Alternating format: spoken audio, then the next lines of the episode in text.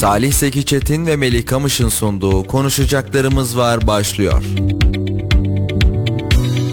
Efendim 91.8 Radyo Radar'dan hepinize mutlu akşamlar diliyoruz. Konuşacaklarımız var programıyla karşınızdayım ben Salih Zeki Çetin.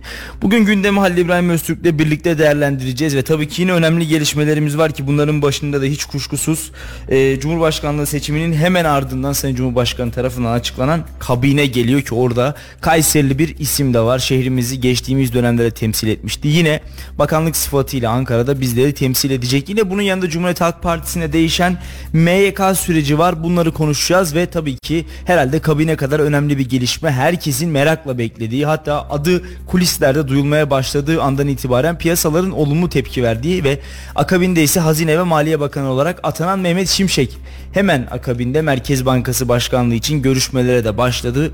Önümüzdeki süreçte ilerleyen günlerde ekonomik anlamda gerçekten önemli gelişmelerin olacağını söyleyebiliriz. Yarın kabine toplantımız var. Biraz bundan konuşacağız ve kabine toplantısında hem Hazine ve Maliye Bakanı hem de Çalışma Bakanı'na oldukça büyük iş düşüyor. Önümüzdeki dönemde yeni Türkiye'nin e, ekonomisinde ve tabii ki ekonomik gelişmelerinde neler olacak? Çalışma hayatında hangi düzenlemelere gidilecek?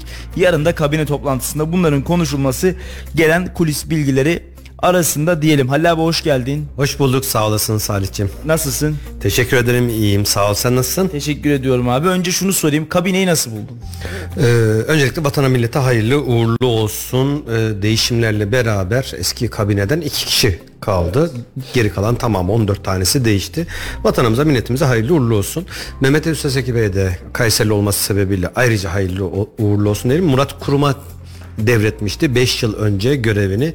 E, o zaman da Çevre Şehircilik Bakanıydı. Tekrar bıraktığı Murat Kurum'a devrettiği görevi tekrar yeniden e, asli görevine döndü. Bakanlığına döndü. Halef selef selef halef oldu. Emaneti devrediyoruz dedi Murat Kurum. E, dün ben önceki günde yanılmıyorsam devir teslim töreni vardı. TRT ekranlarında canlı yayınlandı.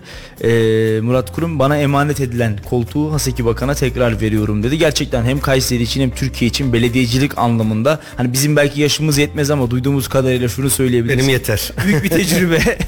Benim yeter. Haseki hakikaten çok büyük bir tecrübe Kayseri'de özellikle Melik Gazi ki o dönemlere sen daha vakıfsın abi çünkü Haseki Tabii. Bakanı Melik Gazi Belediye Başkanlığı dönemini ben sadece arşiv videolardan biliyorum. Öncesinde yaşım bildiğimiz yaşım yetmiyor. öncesinde bildiğimiz için biz konulara tabii haliyle yaşımız 50'ye yaklaştı. Şurada bir sene sonra 50 olacağız. Maşallah. Rabbim cümlemize hayırlı ömürler nasip etsin. İnşallah. Öncesinde biliyoruz. Haseki dönemin biliyoruz. Melik Gazi'deki yaptıkları sonrasında Büyükşehir Belediyesi sonrasında bakanlıklar, görevler, MYK üyelikleri evet. derken bir hayli fazla görevleri vardı. E, işi zor. Hep İşi meşakkatli. Kesinlikle. Özellikle e, 4 ay önce e, Rabbim beterinden esirgesin yaşadığımız deprem felaketinin sonucunda 11 ilden daha fazla 12-13 il bunun içinde Elazığ, Kayseri'de dahil olmak üzere buraların yeniden imarı yetmedi. Allah esirgesin beklenen Büyük Marmara depremi e, nedeniyle kentsel dönüşümlerin hızlandırılması. Sadece oralar değil bunun içinde Bolu, Karabük, Ankara, Ege bölgesi yine haritaya baktığımız zaman kıpkırmızı gözüken deprem haritalarında kıpkırmızı gözüken yer Ege bölgesi. Buralarda kentsel dönüşümlere hız verilmesi, yeniden bu çevre şehirciliğin yeniden imarı, yeni imar alanları eski binaların dönüştürülmesiyle alakalı çok fazla mesai harcayacağı, yorulacağı bir süreçten e, bahsediyoruz. Rabbim kolaylık versin inşallah. E, Mehmet Özseseki Bey de bu işlerin altından kalkar mı? Bence kalkar. Bence de kalkar. Hem tecrübesi yeter. Ekibi de aynı şekilde hazır kıta bir şekilde Ankara'ya gittiler. Tabii e, Mehmet Özseseki Bakan burada şu anda benim tam oturduğum koltukta bundan yaklaşık bir buçuk ay kadar önce o burada oturuyordu ve artık emekli olacağını, koltuğu gençlere devredeceğini söylemişti. Bir vakıf kuracağını, hayır işlerine yöneleceğini söylemişti ama e, öyle zannediyorum ki Sayın Cumhurbaşkanı kendisini e, böyle bir göreve de uygun görünce tabii ki e, devlet adabına göre de görevin geri çevrilmesi gibi bir durum söz konusu değil. Ha buradan bir kere daha şunu söyleyeyim abi benim bu şahsi fikrim e, Cumhurbaşkanı Recep Tayyip Erdoğan'ın gerçekten eski dostlarına, eski yol arkadaşlarına, uzun süredir birlikte hareket ettiği insanlara karşı da bir vefa duyduğunu söyleyebiliriz. Bunların en önemli örneklerinden bir tanesi az önce de söylediğimiz gibi Mehmet Özhaseki'nin kabinede yer alıyor olması. Tabii önemli bir tecrübe dedik. Kayseri için de bence e, önemli bir hamle. Bunun yanında Hulusi Akar'ın e, mevcutta Millet milletvekili olarak yoluna devam edecek olması, e, yemin törenine Akarbakan'ın eski e, Milli Savunma Bakanı yeni Kayseri Milletvekili Hulusi Akar'ın katılmamış olması gerçekten zihinlerde büyük bir soru işareti yarattı. Çünkü kendisinin bakanlık beklediğine yönelik iddialar da var.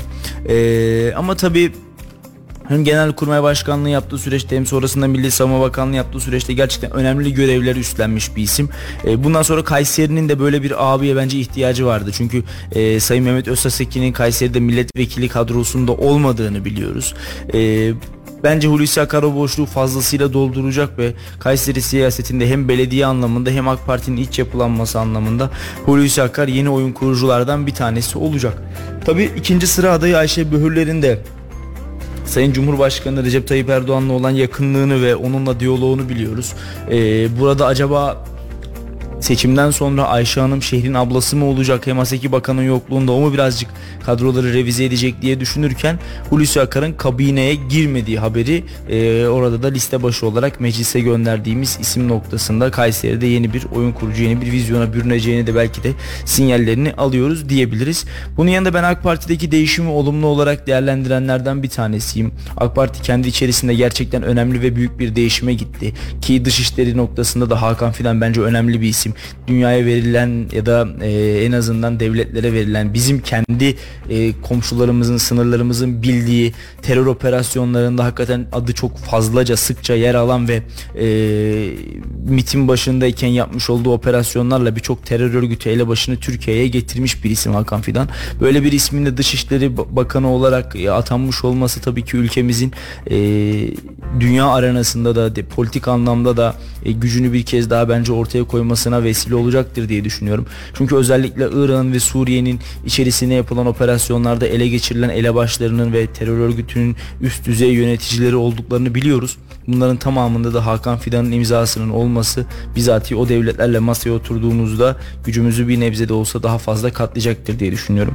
Yine İçişleri Bakanlığı noktasında Sayın Süleyman Soylu'nun e, devrettiği Ali Yerlikaya İstanbul Valisi ki gerçekten İstanbul Valiliği öyle e, kolay bir şey gibi e, gözükse de ya da işte İstanbul'u yönetmekte ne var canım diye düşünülse de gerçekten İstanbul dünyanın belki de Avrupa'nın en karışık ve en çok e, farklı etnik kökenden insanın yaşadığı şehirlerden bir tanesi. E, bence orada güzel bir güzel başarılar elde etti. Bir güzel bir güzeldi. güzel bir ısınma turu diyelim e, bakanlık öncesinde. Ben bakanlıkta da önemli işleri imza atacağını düşünüyorum. Yine e, bir diğer tarafa baktığımız zaman e, Milli Savunma Bakanlığı Genelkurmay Başkanlığı yapmış bir ismin oraya getirilmiş olması yine askeri harekatların ve operasyonların devam edeceğini bizlere gösteriyor. E, hiçbir vekil olan hiçbir e, bakan listeye konmadı. Sadece Mehmet Ruhi Ersoy ve Fahrettin Koca'nın görevlerine devam ettiğini söyleyelim ki onlar da zaten milletvekilliği listelerine konmamış iki tane isimdi. Onun dışındaki AK Parti'deki bu değişimin ve dönüşümün ben önemli olduğunu düşünüyorum. Bugün belki bunun e, bu, bu noktada bugün belki AK Parti bunun biraz sıkıntısını çeker. Yenilenmiş kadrolarla yeni bir yapılanma içerisinde e, biraz bunun sıkıntısını çeker ama uzun vadede özellikle Tayyip Erdoğan sonrası AK Parti'nin sinyallerini çok net bir şekilde aldığımızı söyleyebilirim. Ee, bir noktada katılmıyorum sana. Biraz önce son cümlende biraz sıkıntısını yaşayacak yeni insanlarla, yeni bakanlarla dedin ama burada atladığımız konu şu. Ay, şey bakanlar nezdinde söylemedim. Kadrolar da yenileniyor ya bütün AK Parti kadroları için. Birazcık tecrübe anlamında belki bunun sıkıntısı. Tamam. uyum anlamında. Bakanlar özelinde gidelim. Bakanların evet. neredeyse tamamı zaten bürokrasinin içinde olan, yönetim içinde olan birçoğu mevcut yani geçtiğimiz dönem artık diyelim. E, bakanların yardımcılıklarını yapmış, müsteşarlıklar yapmış ve önemli kademeler ülkelerde e, hem işi bilen hem işi arka planda asıl yapan kişiler belki birçoğu bunların yeniden e, biz artık bakan olarak görmemiz bizim için tabii ki sevindirici. Benim şaşırdığım ve üzüldüğüm eski bakanlardan Mustafa Varank Bey'i ben yine bakan olarak görmek isterdim. Hele hele Hulusi Paşa'mızı, Hulusi Akar e, vekilimizi yeniden e, bakanlık e, koltuğunda görmek isterdim. Süleyman Soylu'yu aynı şekilde bakanlık koltuğunda tekrar görmek isterdim. Fahrettin Koca zaten hepimiz biliyoruz. Bunun gibi önemli birkaç kişiyi daha e, görmek isterdik. Fakat e, Sayın Tayyip Erdoğan Bey bu şekilde e, düşünmüş, öngörmüş, karar kılmış. Bize de hayırlı uğurlu olsun vatan millet için diyelim. Şimdi buradaki en önemli isimlerden bir tanesi Mehmet Şimşek ismi evet. Salihçim. E, geçmiş dönemlerde AK Parti'nin en parlak olduğu 2000 2012 öncesinde en parlak olduğu dönemlerde Mali ve Ekonomi Bakanlığı yapmış bir isim. Sonrasında farklı görevler vardı. Vekillikleri devam etmedi. Yurt dışında bir takım işleri vardı. E, ve biz birkaç defa e, Maliye Bakanı değiştirdik. En son biliyorsun Nurettin Nebati.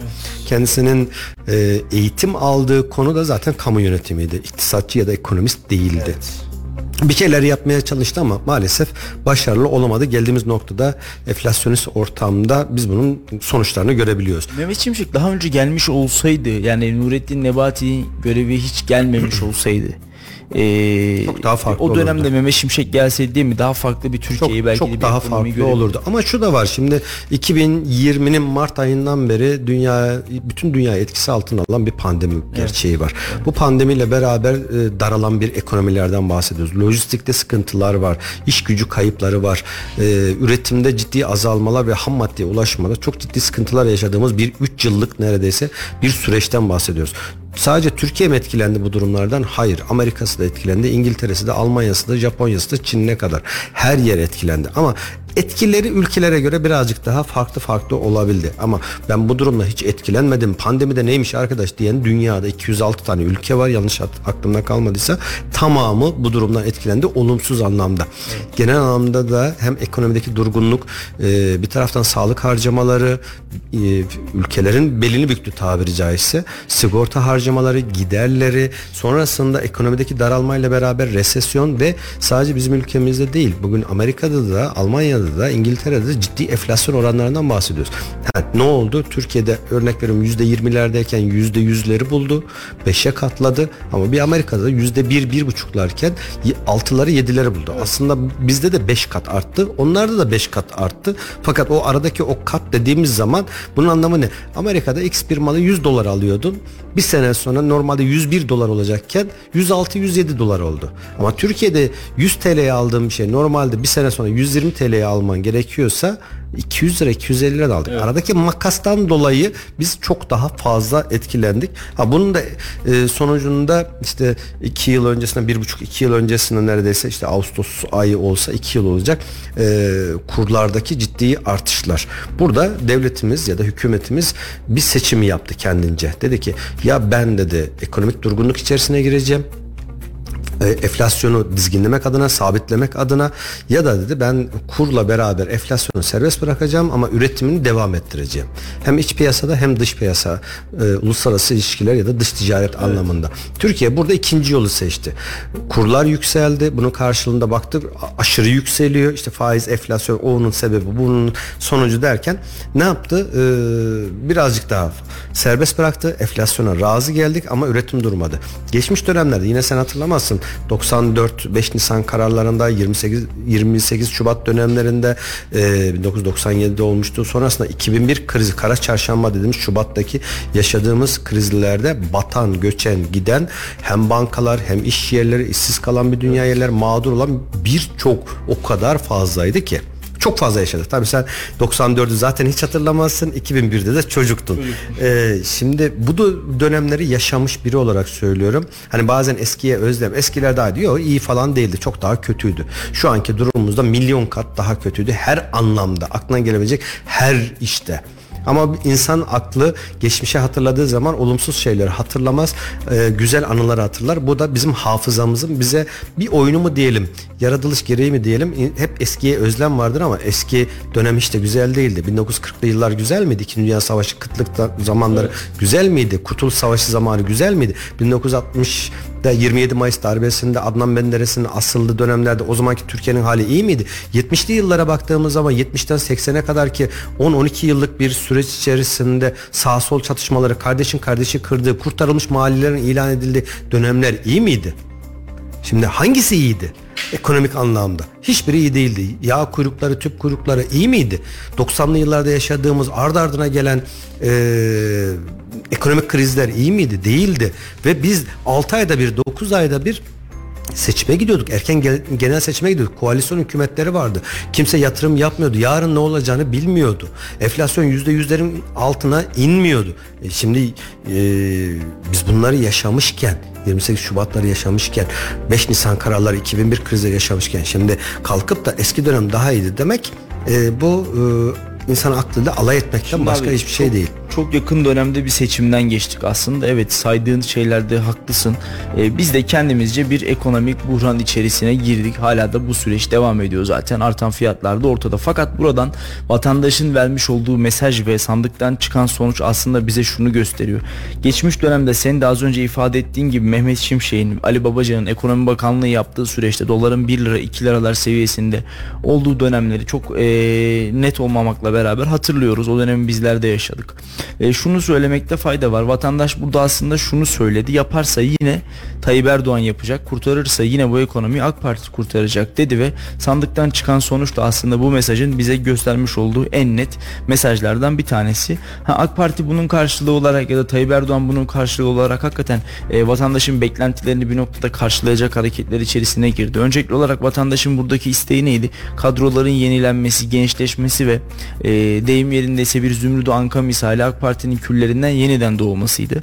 E, senin de ifade etmiş olduğun gibi bir pandemi süreci geçirdik ve bir deprem hadisesi yaşadık. Bu arada sadece bizim ekonomimiz değil dünyadaki birçok ekonomi, birçok güç ekonomisinde daraldığını söyleyebiliriz. Fakat e, gelmiş olduğumuz noktada e, AK Parti kendi oylarını korumakla birlikte üzerine de bazı illerde ve bazı bölgelerde koyarak devam etti, ilerledi. Bunun sonucunda da millet bir kez daha bu ülkenin yönetim anahtarını Tayyip Erdoğan'a emanet etti. Yani dediğim gibi yaparsa AK Parti yapar algısı hala vatandaş üzerinde devam ediyor. Her ne kadar ekmek fiyatları enflasyon noktasındaki yüzdelik dilim artmış olsa da e, vatandaşın umudunun hala bu yönde olduğunu söyleyebiliriz. AK Parti'de şu an hala değişim ve dönüşüm rüzgarı devam ediyor. E, bu noktada ben aslına bakarsam e, geçmiş yayınlarda da hatta bazen arkadaşlar mesaj atıyor. Kardeşim bu ülkede hiçbir iktidar eleştirilmez. Hep muhalefeti eleştiriyorsun diye. E, ben güçlü bir muhalefetin güçlü bir iktidarı beraberinde getirebileceğini düşünüyorum. Evet iktidarı eleştirelim. Evet iktidarın yanlışlarını söyleyelim ama bunları düzeltmenin ana maddelerinden bir tanesi muhalefeti düzeltmekten geçiyor. E, Sayın Kılıçdaroğlu'nun adaylığı açıklandığı günden bu yana aynı şeyi söylüyorum. Bir kere e, yıpranmamış aday diye vatandaşın karşısına 11 seçim kaybetmiş bir ismi getirip koydular ve bugün gelmiş olduğumuz noktada e, Kemal Kılıçdaroğlu'nun ve e, buna bağlı olarak Cumhuriyet Halk Partisi teşkilatlarındaki değişim ve dönüşüm anahtarının aslında e, Kemal Kılıçdaroğlu ekseninin çok dışında gerçekleştiğini görüyoruz. Yani e, Kemal Bey'in seçime çıktığı anda ya da Cumhuriyet Halk Partisi ya da Millet İttifakı dediğimiz cephenin e, seçim öncesi argümanlarına bakarsak Tayyip Erdoğan'ın 20 yılı aşkın süredir bu ülkeyi yönettiği ve artık yetmesi gerektiği söyleniyordu. Fakat gelmiş olduğumuz noktada Kemal Bey'in de genel başkanlığı Tayyip Bey'in e, yönetim sürecinden çok da uzak bir yıllara tekabül etmiyor. Yani e, muhalefet evet iktidarda bir değişimi istiyor. Belki vatandaş da bu değişimi en az muhalefet kadar istiyor ama kiminle neyle bu soru zaten cevap bulamadığı için bugün AK Parti'nin yeniden kazandığı anda bir seçimi konuşuyoruz. Açık söylemek gerekirse ben seçim bitti hemen seçimin akabinde başta Kemal Bey olmak üzere CHP kadrolarında da e, İyi Parti'de de birçok ismin istifa edeceğini düşünüyordum ama e, Kemal Bey'in e, seçim günü yapmış olduğu konuşmayı Cumhuriyet Halk Partisi Kayseri İl Başkanlığı'nda dinlemiş bir insan olarak orada verilen alkış tepkisine gerçekten e, anlamlandıramadım. O gün o e, orada Oradaki insanların isimlerinden çok fazla e, kimin kimle olduğundan bahsetmesem de İzmir milletvekili ve mevcut Kayseri milletvekilinin o salonda olduğunu söyleyebilirim. Kemal Bey yola devam kararı alıyoruz dedikten sonra o salonda nasıl bir alkış kıyametin koptuğunu da ben kendi kulaklarımla duydum. Kendi gözlerimle gördüm. E, şunu merak ediyorum. Bunca seçim kaybedildikten sonra Türkiye muhalefetine hala siyasi bir muhalef parti olarak devam eden Cumhuriyet Halk Partisi Kemal Bey'in bu politikalarından ne derece memnun? Evet Tayyip Bey'i eleştirelim. Tayyip Bey'in hatalarını ve yanlışlarını söyleyelim. Hatta yetmesin iktidarın tüm hata ve yanlışlarını söyleyelim. Ama bunların yanında muhalefetin mevcut ısrarları ve e, iktidara kötü derken onun bu kötülüğünün karşısında ondan daha kötü bir muhalefet yapmayı becermesinin asıl sırrını ben gerçekten oldukça ciddi manada merak ediyorum. Ki Kayseri İl Başkanlığı için tekrar Ümit Özer'in isminin geçmesi de benim bu kafamdaki soru işaretlerine yeni bir soru işareti daha ekledi. Sahada çalışan pırıl pırıl genç insanlar varken Cumhuriyet Halk Partisi ve diğer partilerin siyasetlerine dahil olmuş onlarca hatta yüzlerce genç kan varken neden hala eski insanlarda ısrar ettiklerini neden hala başarısızlıklarla dolu defterlerine yeni bir sayfa daha eklemek istediklerini ben anlayamıyorum. Ee, bizler değişim ve dönüşüm noktasında gerçekten abi seninle de 3 gündür konuşuyoruz. AK Parti hususunda bu sürecin iyi yönetildiğini düşünüyorum. Tayyip Bey mevcut kadrosunu ve buna bağlı olarak kadrolarını ciddi şekilde yeniledi ve revize etti. Bununla da kalmadı AK Parti teşkilatlarından da çıkarttığı birçok ismi bizlerin önüne sundu ki bunlardan bir tanesi yıllarca Kayseri'de il başkanlığı yapmış. Şu anda AK Parti Kayseri milletvekili sıfatıyla Türkiye Büyük Millet Meclisi'nde geçtiğimiz günlerde yemin eden Sayın Şaban Çopuroğlu. AK Parti değişim ve dönüşümü sağlarken bir taraftan da mevcut teşkilatlarından yeni isimleri Türk siyasetine çıkartmaya da devam ediyor. Bence bu da önemli bir detay ama e, bugün itibariyle Cumhuriyet Halk Partisi'nin Merkez Yönetim Kurulu değişti. Değişmeyen tek isim Genel Başkan Kemal Kılıçdaroğlu. Ben e, değişim furyasına muhalefetin de katılması gerektiğini düşünüyorum. Eğer bu değişim gelmezse, bu dönüşüm gelmezse muhalefet 100 yıl daha bu ülkede muhalefet olarak muhtemelen kalmaya devam edecek ve e, Cumhuriyet Halk Partisi tek iktidarını yalnız ve yalnızca Cumhuriyet'in kuruluşunda görme alışkanlığına biraz daha birkaç yıl daha devam edecek gibi duruyor. Evet aslında konuşacak konular, mevzular oldukça derin. Deprem bölgesinde yaşadıklarımız, deprem bölgesindeki seçim sonuçlarının neler oldu. Bunun karşılığında e, Kılıçdaroğlu'nun söylemleri, CHP tabanının farklı farklı söylemleri oldukça fazla. Şimdi konuya girmeden önce de mesaj gelmiş. E, Sayın Sedat Bey selamlarını iletmiş. iyi yayınlar diliyor. Salih Bey'e de selamlarını selamlarımı ilet demiş. Biz de kendisine hayırlı işler dileklerimizi iletelim Sayın Sedat Bey'e. E, şimdi geçmiş dönemden bugüne baktığımız zaman e, özellikle Millet İttifakı olarak mı değerlendirelim, CHP olarak mı değerlendirelim birbiriyle de aslında iç içe. Konular ve mevzular hani konuşacaklarımız var dediğimiz mevzuda aslında o kadar çok konuşacak konu var ki. Şimdi e, oy almak istediğiniz kitle. Bir tarafta e, Millet İttifakı altılı masa dedik. Sonra masanın altında bir parti daha söylemleri oldu. Her ne kadar yok deyip inkar etseler de e, masanın yanında mıdır, altında mıdır, üstünde midir bilmiyoruz ama destekleyen bir HDP gerçeği var. Yüzde on oranlarına bakarsak bu yüzde onluk bir orada bir potansiyel oydan bahsediyoruz. Şimdi Salih basit bir mantık, basit bir hesap. Her zaman için bundan 5 yıl önce de 10 yıl önce de kemik bir CHP'nin oyu vardı. Hesapla. %25 mi ortalama? Evet. 24 deriz 26 deriz ortalaması %25. Şimdi o %25'in üzerine HDP'nin o zamanlar daha bu masadan kalkma olayın yaşanmadan önce ortalama %14, 15, 16 seviyesinde bir iyi Parti söyleniyordu. Doğru mu? Doğru. Topla %40. Şimdi e, her ne kadar anketlerin birçoğunun yalan olduğunu, şişirme olduğunu gördük ama o tarihlerde e, İyi, İyi Parti CHP'nin yanında Saadet, Deva ve Gelecek Partisi. Evet. Ortalama hepsi üçünün toplamını 3-4 bazında aldılar mı? Aldılar. aldılar. Ekle üzerine yüzde... Hatta Ali Babacan'a göre sadece Deva Partisi'nin oyu yüzde dört. Şimdi hadi biz alt limitten gidelim. Yüzde üç, yüzde dört dedik. 40'ın üzerine ekle 43-44. Kaldı bir tane HDP gerçeği. Ortalama yüzde onla bunun desteğini alındığında yüzde 53, yüzde 54'lük bir potansiyel oy hesabı yapıldı. Anket şirketlerinin ve kendilerinin yaptığı hesaba göre. Evet. Yanlışım var mı? Yok. Yok. Tamamen ve doğru. çok rahat bir şekilde kazanacaklarına inandılar. Dolayısıyla da söylemlerini Ali Babacan'ın orada anlamsız bir şekilde dokunacağız deyip İHA'lar SİHA'lar mevzusu. Bir taraftan HDP'nin e, özgürlük çığırtkanlıkları. Kemal Kılıçdaroğlu'nun e, Selahattin Demirtaş'ın özgür kalmasını istiyorsanız Osman Kavala'nın özgür kalmasını istiyorsanız bize oy vereceksiniz Bana demeleri. Bile. Bana katılın söylemleri. E, şeyin e, Temel Karamollaoğlu'nun yani e, kalkıp da hızlı treni bile eleştirip hızlı trene ne gerek var efendim hızlı tren demek göçü hızlandırır Sivas'tan İstanbul'a gider gibi tuhaf söylemleri. Gelecek Partisi e, Ahmet Davutoğlu'nun benim kafamı bozmayın masalıyı dağıtırım restleri. İyi Parti'nin kalkıp da ben başbakan olacağım hayalleri gibi gibi. Ne yaptılar aslında? E, yanlış şuradan kaynaklandı. Türkiye'de e, bir hani muhafazakar ya da milliyetçi kesim oranı ortalama yüzde 70-75'lerdedir. Ortalaması yüzde 70 diyelim. Diğer taraf e, bunun karşısında ise sol ya da Atatürkçü kesim diye söylenen, solcuyum diye söylenen ve bunun HDP ile beraber toplamı 30-35.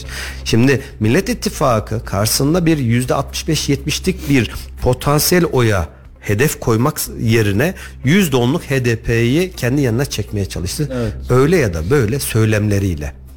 En büyük hata yanlış zaten buradan kaynaklandı.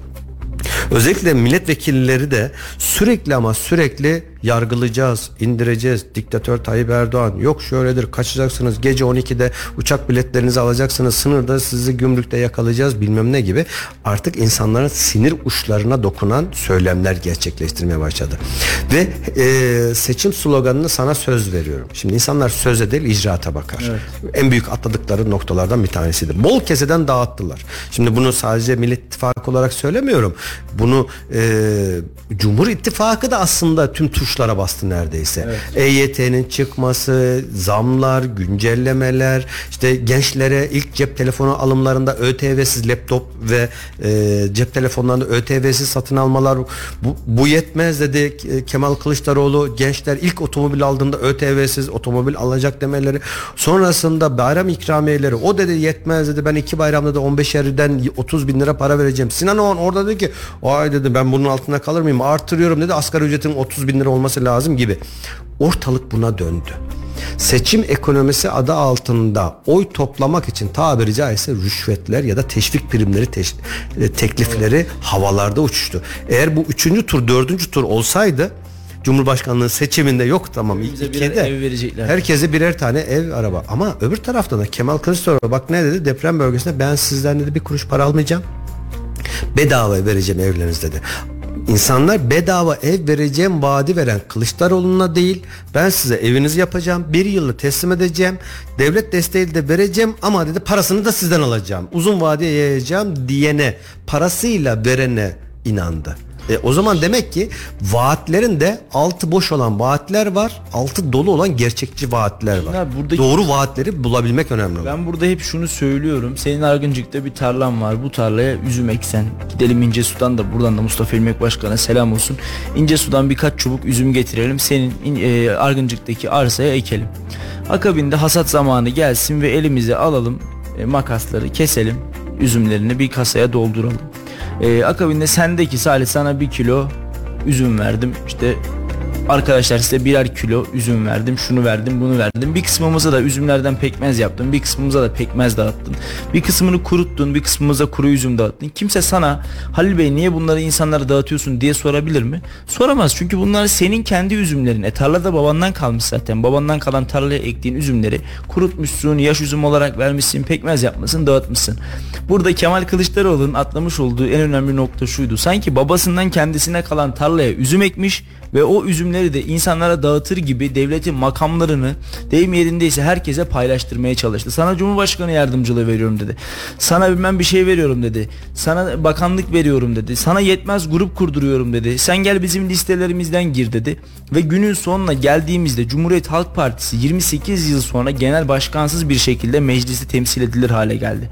Bunun yanında Millet İttifakı'nın Millet İttifakı'nı oluşturan altılı masanın paydaşlarının hiçbir tanesinin genel başkanı Türkiye Büyük Millet Meclisi'ne milletvekili olarak giremedi.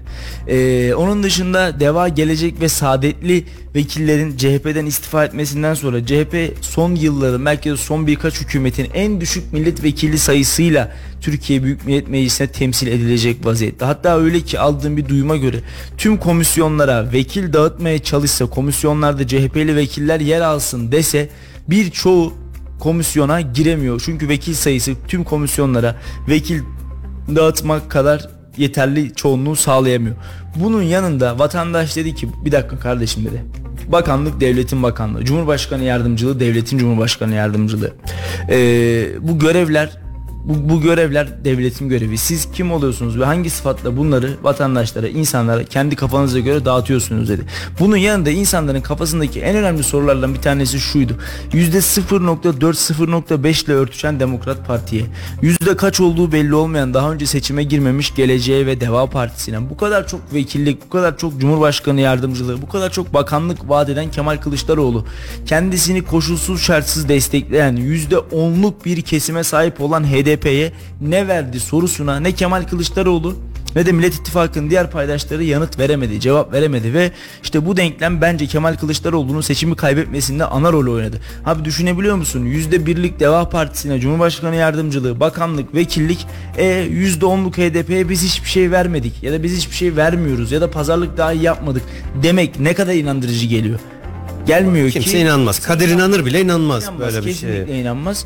Ee, gelmiş olduğumuz noktada da vatandaş bu soruya yanıt bulamadı zaten ve Cumhuriyet Halk Partisi'nin ya da Millet İttifakı'nı oluşturan paydaşlara yeterli teveccühü göstermedi. Ben hep şunu söylüyorum. %47 oy aldı Kemal Kılıçdaroğlu ve sanki bu bir başarıymış gibi lanse etmeye devam ediyor. Bu seçimin kaybedeni biz değiliz'i lanse etmeye devam ediyor. Ben anlamadım. Bu seçimin kaybedeni AK Parti değilse, Millet İttifakı değilse, Cumhur İttifakı değilse kim kaybetti? Bunun e, şöyle örneklendireyim. Futbolu sevdiğin için söylüyorum. Ee, X takım hani Galatasaray Fenerbahçe demeyeyim ama iki takım karşılaşıyor. Maç 5-4 bitiyor. 5-4 bitince bir taraf 5 atmış öbürü 4 atmış. 4 atan diyor ki "Ma- maçın galibi benim diyor. Ben diyor 4 tane attım diyor. Ama öbürü karşındaki 5 tane atmış. 3 puan karşı takıma yazılmış ki şu an Tayyip Erdoğan Cumhurbaşkanı ve onun kabinesini izliyoruz. Şimdi 4 gol atan da e, bu neye benziyor? Ya ben diyor bir önceki maçta diyor 5-3 yenilmiştim. Şimdi diyor 5-4 diyor. Ben bu diyor başarı diyor. Şimdi buna herkes güler. Geçmiş dönemde de biz bunları oldukça fazla e, yaşadık. M- 2010 yılından beri CHP'nin başında. Evet. 12 tane mi 13 tane seçim yereller, ulusallar, işte e, genel seçimler, cumhurbaşkanlığı seçimleri, referandumlar derken 12-13 tane seçimden yenik olarak ayrılmışsın ve hiçbirinde de başarı elde edememişsin. E şimdi hala bu insan başarı mı?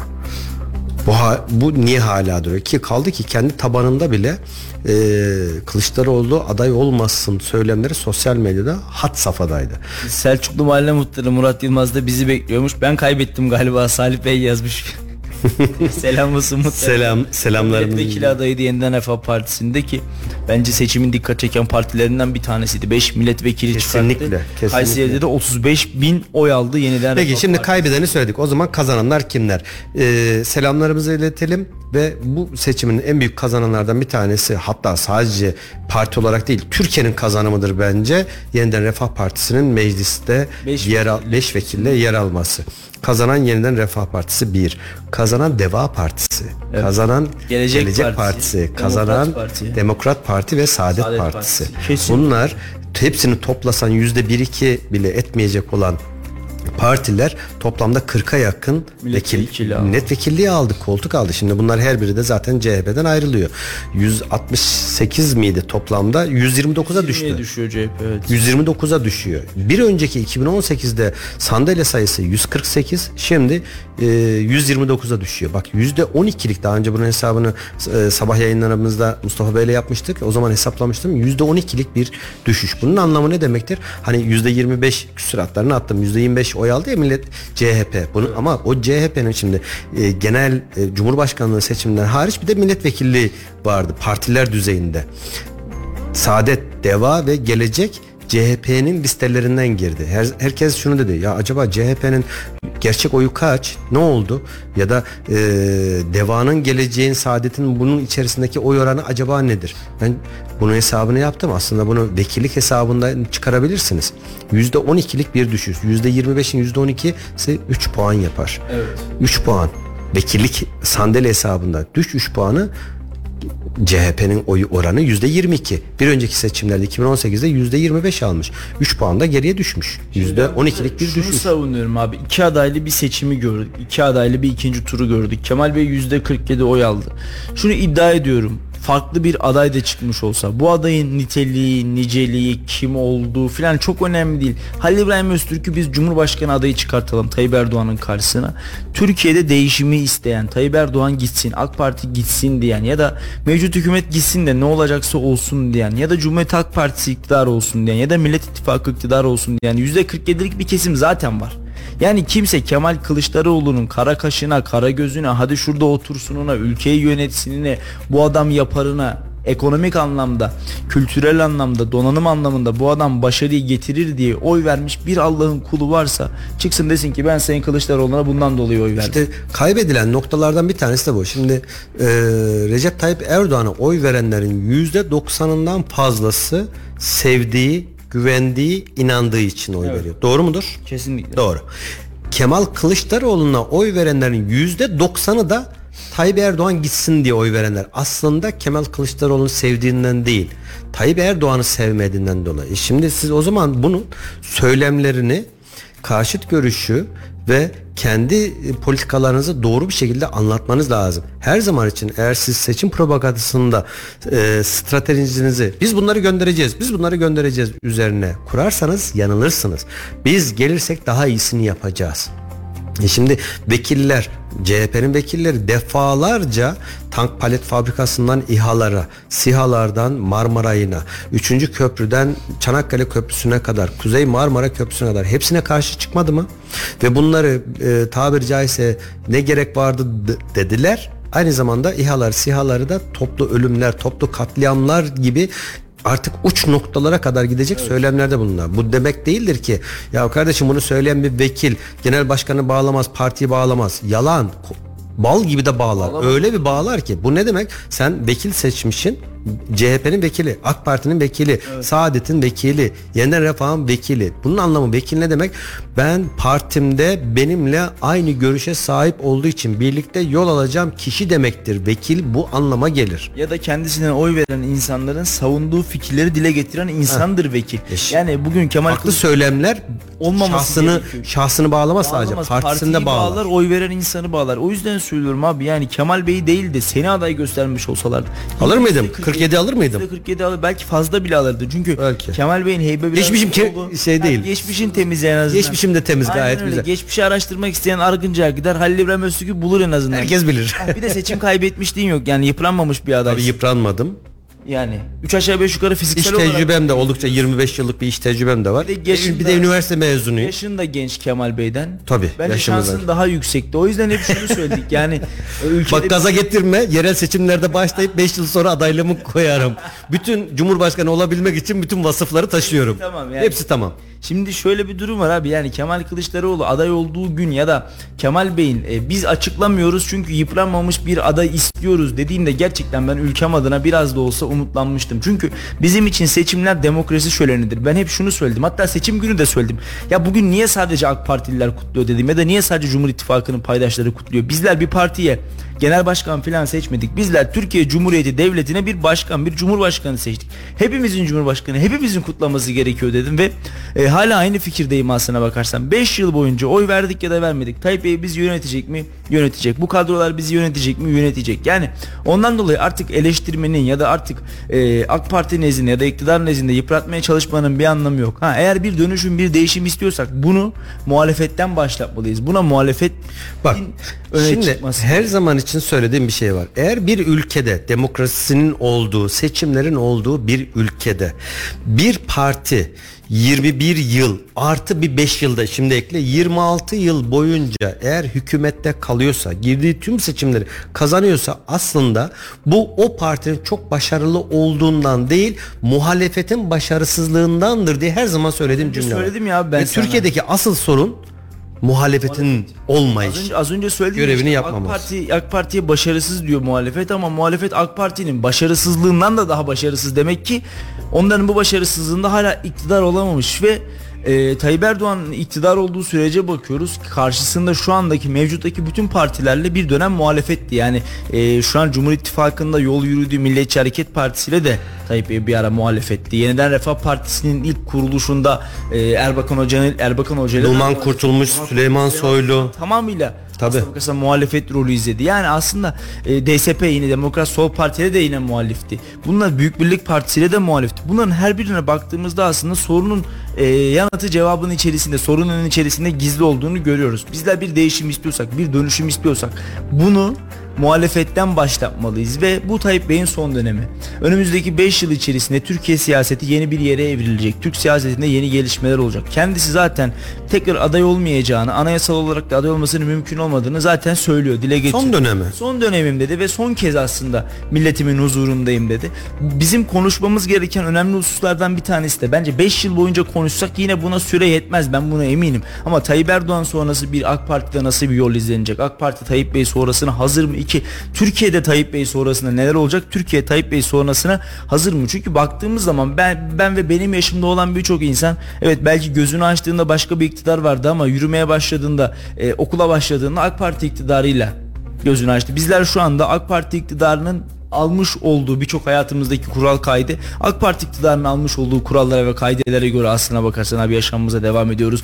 Yaptığı yollar, vergi, e, köprüler bunlardan geçiyoruz. Bindiğimiz metro, bindiğimiz Marmaray, kullandığımız köprülerin tamamı AK Parti iktidarında yapıldı. Ondan dolayı ben ve benim gibi birçok neslin öncesinde görmüş olduğu başka bir iktidar herhangi bir iktidar yok.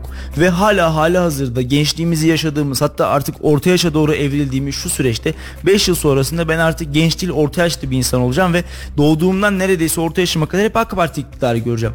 Ben ve benim gibi bir nesil AK Parti sonrasındaki ya da Tayyip Bey sonrasındaki bir iktidar hazır mı? Şu an baktığımız zaman partilerin içerisinde ne kadar lider çıkartıyoruz? Örneğin Cumhuriyet Halk Partisi'nin içinde bir lider çıktı mı? Kemal Kılıçdaroğlu sonrasında ben bu partiyi yönetmek istiyorum diye bir lider çıktı mı? Yoksa sırf Kemal Bey'i o koltukta oturtmak için parti içerisinde kurulan lobiler, dini, etnik, siyasi, kültürel adına her ne derseniz deyin. Bu lobiler acaba Kemal Bey sonrasında Cumhuriyet Halk Partisi'nin içerisinden ya da muhalefetin içerisinden bir lider çıkmasını engelliyorlar mı?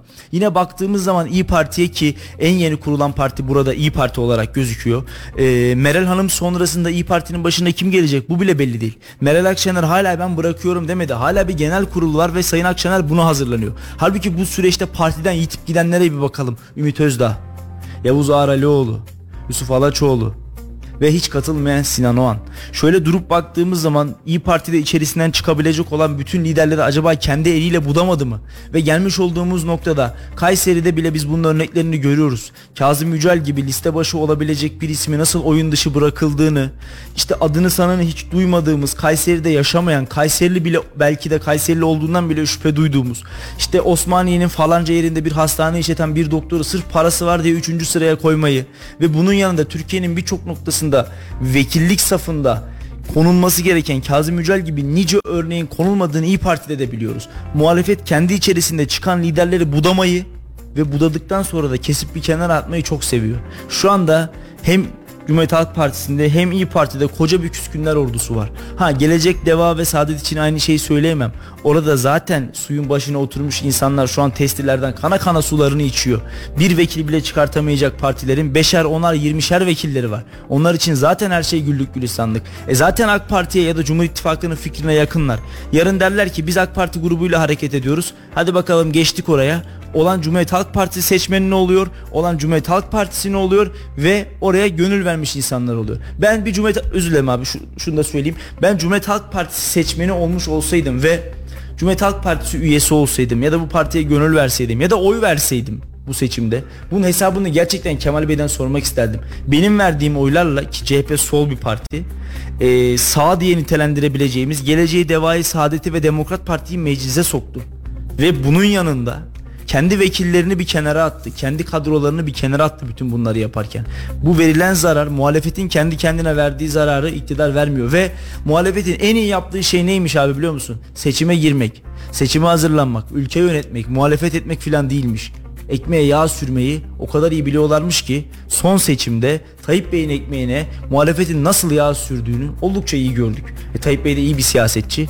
O da yağ sürülen yağı yemeyi oldukça iyi biliyormuş ve AK Parti'nin gerçekten büyük bir zaferle bu seçimi kazandığını hepimiz şahitlik etmiş olduk. Büyük bir komple teorisine bulunayım mı? Tabii ki. Şimdi rütük gereği e, yayınlarımız kayıt altında. Evet. Alınsın kayıt altında olsun diye söylüyorum. E, Cumhurbaşkanımızın Bakanlar Kurulu açıklaması ve yemin töreninde dikkatini çekti mi? Abdullah Gül salondaydı. Evet ve kendisini arayıp tebrik etti. Tebrik etti ve Abdullah Gül salondaydı ki aralarının limoni olduğunu, Biliyoruz. Sorunlu olduğunu biliyoruz. Peki komple teorim şu. E, Deva ya da Gelecek Partisi'nde bir kongre olsa Evet. Abdullah Gül bu kongrenin başına e, aday olarak gelse kongrede. Deva ya da gelecek için her ikisi de olabilir ama Deva biraz daha ağırlıklı olarak tahmin ediyorum. Ali Babacan'ı saf dışı bırak zaten vekil de değil. E, Deva'nın başına geçse. E, aynı şekilde Davutoğlu'nun da zaten hükmü kalmadı.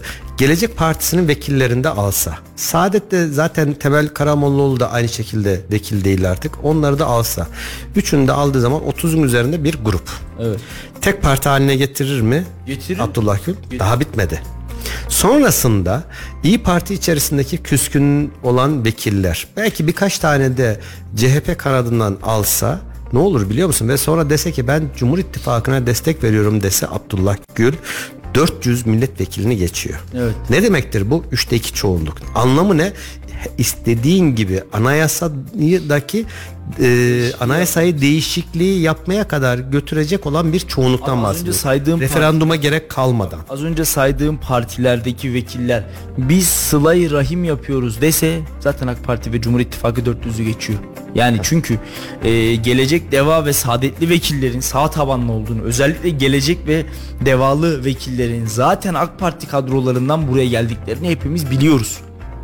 E, bugün geldiğimiz noktada da onların tekrar hadi biz bir sılayı rahim yapalım demiş diyecek olma ihtimalleri bence çok yüksek. Çünkü Cumhuriyet Halk Partisi'nin ya da HDP diyelim HDP'nin evet dediği bir şeye bu insanların evet demesine imkanı yok. Yani orada sırf AK Parti'ye muhalefet etmek için yanlış olan bir şeye evet diyorlarsa zaten burada bir sıkıntı vardır ki muhalefetin en büyük sorunlarından bir tanesi de bu. E İyi Parti'ye bakalım. Kayseri'den 2 mi çıkartır 3 mü çıkartır konuşuyorduk. An itibariyle İyi Parti mevcut vekil Dursun Ateş'i gönderdi meclise. Ama dönüp baktığımızda orada büyük bir küskünler ordusu olduğunu, büyük bir küskünler e, hegemonyasının hakim olduğunu bugün hepimiz biliyoruz. Bunu saklamaya gerek yok. Yani burada Kazım Yücel gibi, Sedat Kılınç gibi, Tahir Keskin Kılıç gibi e, kadrolarda çalışabilecek ya da vakit harcayabilecek, sermaye harcayabilecek insanların nasıl saf dışı bırakıldığını temayül diye bir olayla nasıl oyun dışı kaldığına hepimiz şahitlik ettik o gün. Yani ee, geçtiğimiz günlerde Kazım Yücel de gerçi açıklamış. Ben demiş bilseydim eşimi dostumu bu partiye sadece üye yaparım. Eşimi dostumu akrabamı tanıdığımı üye yaparım. Geçerim temalde bacak bacak üstüne atar otururum. E, yıllarca bu insanlar çarşıdaydı, pazardaydı. E, iktidarın iktidar olduğu dönemlerde muhalefet ediyorlardı ve şu anda hem Koca Sinan Belediyesi'nde hem Büyükşehir Belediyesi'nde muhalefet edecek insan sayısı bir elin parmağını geçmez. Muhalefetin muhalefet edebilme yükünü Kayseri'de çeken Kazım Yücel'in bu kadar net bir şekilde oyun dışı bırakılması bence İyi Parti'nin kendisine vermiş olduğu en büyük zararlardan bir tanesi. Üçüncü sıra adayına bakalım. Cengiz e, Cengiz Bey Kendisi nerededir şu anda? Osmaniye. Osmaniye'ye geri dönmüş. Osmaniye'ye geri döndü. Dördüncü sıra adayına bakalım. Betül Hanım, Betül Tosun. Ben de tanırım kendisini şahsen. Birebir de diyaloğum da var. Nerededir şu anda mesela? Kendi işinde gücünde. Altıncı sıra adayına bakalım. Serap Hanım, Serap Durmuş. Herkes. Nerede? Herkes yani kendi işinde gücünde. hiçbiri yok ama bu insanlar işte Cengiz Bey Osmaniye'deyken, Betül Hanım işine gücüne bakarken, Serap Hanım işine bakarken, Kazım Yücel neredeydi? Çarşıdaydı, pazardaydı. Ama bugün geldiğimiz noktada Kazım Yücel de işinde gücünde. İyi Parti sahada mücadele eden, emek sarf eden, çaba gösteren isimleri budadı aslında. Bakıyoruz Niyazi Ünal'mış. Cumhuriyet Halk Partisi'nin 10. sıra adayı. Ama gerçekten yanındaki sıfırı silip bir gibi çalışmış bir isim. Hem seçim sürecinde hem öncesinde. Bugün geldiğimiz noktada Niyazi Bey neden 10. sıraya aday gösterildi? 3. sıra neden aday tanıtım toplantısına bile gelmeyen Deva'nın adayı Bahadır Bey'e verildi? Ya da 4. sıra Gelecek Partisi'ne ya da 2. sıra Saadet Partisi'ne verildi. Yani baktığımızda gerçekten listelerin yanlışlığını buradan bir kere daha görüyoruz aslında. AK Parti'ye bakalım. AK Parti'de şu anda listede olup da seçilemeyen kimsenin bir kırgınlığı yok ki. 9. sıra adayı Hüseyin Okan'dan. 1. sıra adayı Hulusi Akar'la birlikteydi sürekli. Hala da beraber görüşüyorlar. Hulusi Akar'ın bütün saha çalışmasına katıldı. Ve hani seçilemeyeceğini bile bile sahadaydı Hüseyin Okan'dan. Yine aynı şekilde 6. sıradayım Mahmut Gürcan bakan yardımcısıyım demedi. İlçe ilçe gezdi dolaştı. 7. sıradayı Emine Timuçin kadın kolları il başkanıydı. 7. sıraya kondu. Çalıştı çalıştı çalıştı teşkilatıyla birlikte çaba emek sarf etti. Şu an hala görevinin başında. Yani bütün bunları hesaba kattığımız zaman gerçekten AK Parti içerisinde ya da Cumhur İttifakı içerisinde bir küskün olmadığını görüyoruz. Yeniden Refah Partisi'nin il başkanı istifa etti. Aday oldu. 35 bin oy aldı. Seçilemedi görevinin başına geri döndü. Büyük Birlik Partisi Hakan Satılmış aday oldu. 17 bin oy aldı. Seçilemedi görevinin başına il başkanlığına olduğu gibi geri döndü. Ya Cumhur İttifakı'ndaki bu yapı herkesin kendi listelerinden girmesi hadi kardeşim meydan buradaysa er buradaysa meydan burada mesajı vatandaş nezdinde geçerli ve kabul oldu. AK Parti kendi içerisinde kaybettiği oyları Yeniden Refah Partisi ile Milliyetçi Hareket Partisi ile Büyük Birlik Partisi ile konsüle etti. Yani AK Parti'den kaçan seçmen gidip de İyi Parti'ye vermedi. Milliyetçi Hareket Partisi'ne verdi. Milliyetçi Hareket Partisi'ne vermek istemeyen seçmen Büyük Birlik Partisi'ne verdi. Yine AK Parti'den kaçan oylar gidip Saadet'e vermedi. Yeniden Refah Partisi'ne verdi. Cumhur İttifakı bu oyunu gerçekten iyi kurdu, iyi dizayn etti, iyi oynadı ve sonucunu da aldı. Ama geldiğimiz noktada söylem üretemeyen bir Millet İttifakı görüyoruz. Seçimin ikinci tur çalışmalarını hatırlayacak olursan abi sağda Cumhuriyet Halk Partisi'nden farklı bir parti yoktu. Ve Cumhuriyet Halk Partisi'nin de birinci sıra adayı Aşkın Genci birkaç kez gördük. İkinci sıra adayı Mahmut Arıkan'ı Allah etmesin neredeyse ikinci turda hiç görmedik. Üçüncü sıra zaten aday tanıtım toplantısında bile Kayseri'de yoktu. Baktığımızda biz yine 9. sırayı 10. sırayı konuşuyoruz Cumhuriyet Halk Partisi'nde de. Ki hemen akabinde il başkanı Adil Demir'in ne kadar hızlı reaksiyon alıp istifa ettiğini adeta beni bu görevden kurtarın dercesine görevi bırakıp işine gücüne koştuğunu gördük. Peki seçimlerden önce Adil Bey sahada mıydı? Yine yoktu. Adil Bey'i tanıyan yoktu. Ben hep şu örneği veriyorum. Yolda görsem tanımam. Bak ben hep şu örneği görüyorum abi seni tanımaman çok normal. Benim tanımamam çok normal. Ben Adil Bey il başkanı olduğu gün Cumhuriyet Halk Partisi'ndeydim. Partililer tepki gösteriyordu. Biri çıktı tanımıyorum kardeşim il baş. Ankara'ya gittiler ilçe başkanları bilmem ne. Ortalık 56 Abi oldu biri tabiri çıktı ben il başkanını tanımam dedi. Tanımıyorum dedi. Allah Allah adama bak dedim ya 100 yıllık parti adam il başkanına posta koyuyor dedim. Kim acaba bu adam dedim. Bir partili. İsmini hala bilmiyorum beyefendinin. Sonra öğrendim ki beyefendi orada serzenişte bulunuyormuş. Fiziken tanımıyorum diyor il başkanını. Posta falan koyduğu yok. Tanımıyorum kardeşim diyor yani. E Adil Bey Cumhuriyet Meydanı'nda basın açıklaması oluyor. Adil Bey ortada yok. Kendi başına geliyor. Birileri açıklama yapıyor. Adil Bey kenarda durdum, ortada bulundum. Kameranın bir kenarında da ben çıktım diyor. Sonra kimseyle tokalaşmadan, selamlaşmadan tekrar gerisin geri geldiği yere geri dönüyor. Zaten emanetçi olduğunda anladık demiş, demiştir ki kendi kendine "Ya ben şurada bir ay iki ay idare edeyim. İyi de- Seçimden sonra da çekeyim gideyim abi- demiştir ki zaten e, baktığımız zaman da bu Ama bak Mustafa Kemal Atatürk'ün kurduğu ve Cumhuriyet'in en köklü partisi olan Cumhuriyet Halk Partisi hala adeta bir bakkal dükkanını emanet eder gibi kafasından gelene önüne geçene emanet edilebilir bir makam mevki değil. Böyle olamaz olmamalı. Hiçbir parti böyle olmamalı. Burası kimsenin babasının çiftliği değil. AK Parti içinde böyle. AK Parti'deki yapıya bak. Şaban Bey bıraktı. Hemen akabinde bir iki gün sonra Fatih Bey ve birkaç kişi Ankara'ya çağrıldı. Üç kişiydi yanılmıyorsam adaylar. Genel merkez kararını verdi ve Fatih Bey buraya geldi görevine başladı. Ben niye buradayım? e, hızlı bir şekilde giriş yaparak hızlı bir Evet. şekilde sahalarda oldu. Kaza bak bu seçimin kazananlarından bir tanesi Fatih Üzüm ve Kayseri siyaseti. Gerçekten iyi bir siyasetçi kazandı Kayseri siyaset. Fatih Üzüm söylemleriyle, e, duruşuyla hakikaten e, bunca zaman mesela geçen dönem olsa muhtemelen vekillik listesinde olurdu diyebileceğimiz bir isim. Peki son olarak yayının sonuna yavaş yavaş yaklaşıyoruz evet. Salih'cim. İyi Parti'de durum nedir sence? Valla İyi Parti'de koca bir küskünler ordusu var şu anda. Seçimin en büyük kaybedenlerinden biri. İyi Parti. Çünkü parça parça çalışılmış bir seçim süreci. Birinci sırayla ikinci sırayı neredeyse hiç yan yana görmedik aday tanıtım toplantısının haricinde. Üçüncü sırayı zaten hiç görmedik. Şimdi bir taraftan da e, bundan iki ay önce, üç ay öncesindeki seçim anketlerinde ortalama yüzde 15-16 gösteriliyordu. Evet. Ne kadar doğruydu bilmiyorum ama bence de e, en kötü 14'ü vardı. Hatta biz bunun tartışmalarını kendi aramızda bir hayli fazla yaşadık. Ki yüzde 20'nin üzerinde gösteren anketler vardı. Ben bunlara inanmayın diye özellikle söylemiştim. Bunlar şişirmedir diye. Hatta biliyorsun Millet İttifakı oy oranını %57, %58 açıklayanlar vardı. 60 ile 65'te geliyoruz diyenler vardı. Anketlerde %60 diyenler vardı. Bunlara inanmayın. Sahada bunun karşılığı yok ve sosyal medya üzerinden sadece değerlendirirseniz yanlı anketlerle karar vermeye kalkışırsanız her zaman yanılırsınız diye söylemlerimi hatırlıyorsun. Evet. E şimdi geldiğimiz noktada haklı olduğum ortaya çıktı. Hadi diyelim ki 14-15 oy oranı vardı.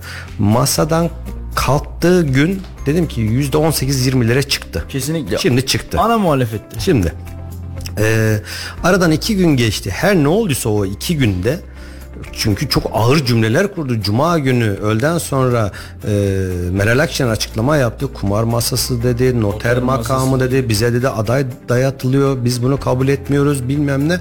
Cidden ağır yani siyaset dilinde ağır cümlelerdi. Aradan bir e, iki gün geçti. Pazartesi günü tekrar masaya geldi. Ne için? Ekrem İmamoğlu'yla Mansur Yavaş'a Cumhurbaşkanlığı yardımcılığı verilecekmiş. Ya buna herkes güldü ve o gün pazartesi ben dedim ki yani %18-20'lere çıktı oy oranı belki 21'dir.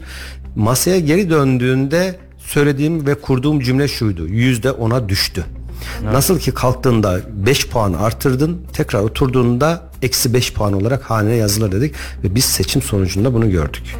Eski sistem olsaydı ittifakın içinde olmayıp da eski sistem kurallar geçerli olsaydı meclis, meclis meclisin dışında kalıyordu. Evet. İyi Parti. Baraj altıydı. İyi. Baraj altı kalıyordu. Şimdi bir taraftan da geriye doğru git. Biraz daha geriye doğru git. 4 yıl geriye doğru git. 2019 seçimlerinde e, birçok şehirde ee, o, o dönemki CHP'yi Millet İttifakı diye bir ittifak yoktu ama CHP'yi destekledi. Ankara'da, İstanbul'da, Adana'da, Mersin'de hep kendi adayın e, kendi adayı çıkarmak yerine CHP destekledi. Evet. E bunun sayesinde İstanbul'u aldı, bunun sayesinde Ankara'yı aldı ve bir bakıyoruz Türkiye'de e, iyi Partili bir belediye var mı? Yok. Yok.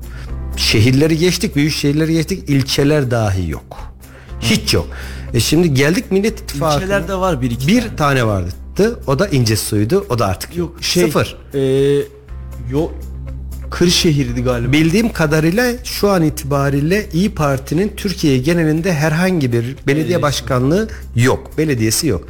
E şimdi 2019'da böyle bir yanılgıya düşmüşün. E kendi adaylarını çıkarsa belki de e, alabileceği birkaç tane e, yok muydu? Şu an e, MHP'nin 40'ın üzerinde belediyesi var. Ki oy oranı o tarihlerde daha düşüktü MHP'nin. E, İyi Parti sen bunu 2019'da yaşamışsın. Evet. Seni hiçbir şekilde kale almamışlar. Bir taraftan HDP'nin vekilleri çıktı dedi ki İstanbul'u bizim sayemizde kazandınız. Ee, Ankara'yı bizim sayemizde kazandınız. Ne oluyor dedi. Meral Akşener çıktı. Hop dedi İmamoğlu dedi bizim sayemizde e, belediye başkanı oldu dedi. Sahiplendiler ama icraata baktığımız zaman icraatta hiçbir şey yok. Evet. Geldik bugüne Yine bu sefer koalisyon bunun adına Millet İttifakı denildi ve seçimin kaybedeni yine İyi Parti oldu. Hem 2019'da hem 2018'de zaten kendi adayını çıkardı %7.52 miydi evet. yanlış hatırlamıyorsam Meral Akşener Cumhurbaşkanlığı seçiminde. Hadi geçtik 2019'da belediye seçimlerinde yerel seçimlerde hezeyan tam anlamıyla hezeyan 2023'e geldik. Genel seçimlerde daha beter bir hezeyan. Küçük ilçelerden 18 belediye başkanı var şu anda İyi Parti'nin. Onlar da milliyetçi ve muhafazakar olan ilçeler. E, İnce Su burada yok istifa ettiği için. Şu an toplamda 18. 20'ymiş 18'e düşmüş. iki tane istifası olmuş ama hani böyle e, mesela büyük ilçelerden hiçbiri yok. Örneğin Yozgat. İl yer, olarak hiç yok. İl yok. Yozgat, Yerköy ve Yozgat Yeni Fakılı örneğin e, İyi Parti'de işte İzmir, Tire, Karaman, Ermenek, Osmaniye, Samsun ilk adım, e, Çorum, Sungurlu, Edirne, İpsala, Çanakkale, Gökçeada, Burdur, tamam. Bucak işte ufak tefek ilçeler il olarak verilmiş il olarak ama yok. il olarak hiç yok. E, şimdi e, o zaman İyi Parti'nin öncelikle bir kendini bir çek etmesi lazım. Hem Millet İttifakı'nı oluşturan tüm partilerle birlikte CHP daha fazla ana muhalefet partisi çünkü ve İyi Parti'nin de artık kendini çek etmesi lazım ve nerede duracağını bilmesi lazım. E şimdi İyi Parti'yi oluşturan kişiler ya da seçmenler e, nereden geldi? Milliyetçi Ağırlık Hareket Milliyetçi Hareket Partisi ve AK Parti'den geldi. Evet. E, bakıyorsun bir önceki seçimlerde AK Parti %40'dan 35'e düşmüş. E şimdi orada bir 5 puanlık fark var. Bunlar CHP'ye mi gitti? Hayır. Ya da başka bir yere mi gitti? Hayır. İyi Parti'ye gitti, Geleceğe gitti. Deva'ya da gidenler oldu. İlla ki gidenler oldu küçük küçük. Ama İyi Parti'nin artık nerede duracağını bilmesi lazım. Hangi eğer ittifak olacaksa hangi ittifakta, ittifak olmayacaksa da e, kendi bireysel hareket yani parti bazında hareket etmeyi de öğrenmesi lazım. Evet. Birilerine destek vererek sen menfaat sağlayamıyorsun. Senin kendini temsil etme yeteneğini e, sandalye olarak ya da belediye olarak karşılığını göremiyorsun. Doğru bir şekilde durman lazım. Söylemlerini net bir şekilde söylemen lazım. Muhafazakar ve milliyetçi çizgin varken Oradan kalkıp da açık ve net bir şekilde desteğini açıklayan HDP'ye karşı herhangi bir söylemde bulunmazsan evet. hadi lan oradan siz kim oluyorsunuz da e, işte onlar dediler ya bizim sayemizde kazanacaksınız bizim sayemizde söyle sen kim oluyorsun da senin sayende kazanacağız diyemedi. Biz bunun özelinde sadece Mansur Yavaş özelinde gördük. Ankara Büyükşehir Belediye Başkanı. Evet. Biz dedik Kandil'i yerle bile diyeceğiz. Şunu belirle bile diyeceğiz. Ama öbür taraftan da e, bağlı olduğu genel başkanı YPG'yi ben terör örgütü olarak görmüyorum yerel halk direnişi olarak görüyorum diye söyledi. E şimdi bir taraftan defalarca birinci turun öncesine söylüyorum Kemal Kılıçdaroğlu'na PKK bir terör örgütü müdür? HDP PKK'nın siyasi temsilcisi midir diye defalarca sorular üzerine ben de şimdi onların adını anarak reklamını mı yapacağım dedi. Bu siyasi manevra kıvırmasından başka hiçbir şey değil. Sonra ne oldu? Birinci turda yüzde 50 çoğunluğu sağlayamayınca hiçbir aday bir anda Kemal Kılıçdaroğlu 180 derece döndü ve milliyetçi çizgi üzerine oynamaya başladı ama halk yemez bunu. Kalmış şurada 15 gün 14-15 gün kalmış artık senin bu söylemlerle beraber eski söylemlerin bir kenara atacak değil. E ondan sonra Babala TV'ye çıktım 25 milyon 30 milyon izlendim. Geç onları. Geç. Evet. Böyle bir şey yok. O yüzden sosyal medyadan seçim kazanılmaz. Ee, anketlerin %90'ına inanılmaz. Hem anket şirketleri de bir şekilde kendini çek etmesi lazım. Yandaş olmaması lazım. Hem Millet İttifakı hem Cumhur İttifakı. Her ikisi için de söylüyorum. 2-3 tane vardı değil mi? Toplam 30'a yakın anket şirket içinde seçime seçimin sonucunu en yakın tahmin eden 2-3 tane Metropol işte Sonar gibi 2-3 tane anket şirketi yaklaştı. Yani 0.5 0.7'lik bir yaklaşımla ki bu da gayet normaldir. Kesinlikle. Ama kalkıp da sen e, Millet İttifakı'nın %57'ler 58'ler 60'lar gösteriyorsan Tayyip Erdoğan'ı %40 41 42'lerde gösteriyorsa o zaman sen yanlış biliyorsun. Evet. Yine söylüyorum artık çok büyük. CHP e, hem üst yönetim bürokrasisi hem de tabanında artık karşı tarafı bir kere küçük görmeyi bir kenara bırakacaklar. Kendilerini birinci sınıf vatandaş ya da e, Cumhur İttifakı'na gönül verenleri yok makarnacı kömürcü diye yaftalamayacaksın.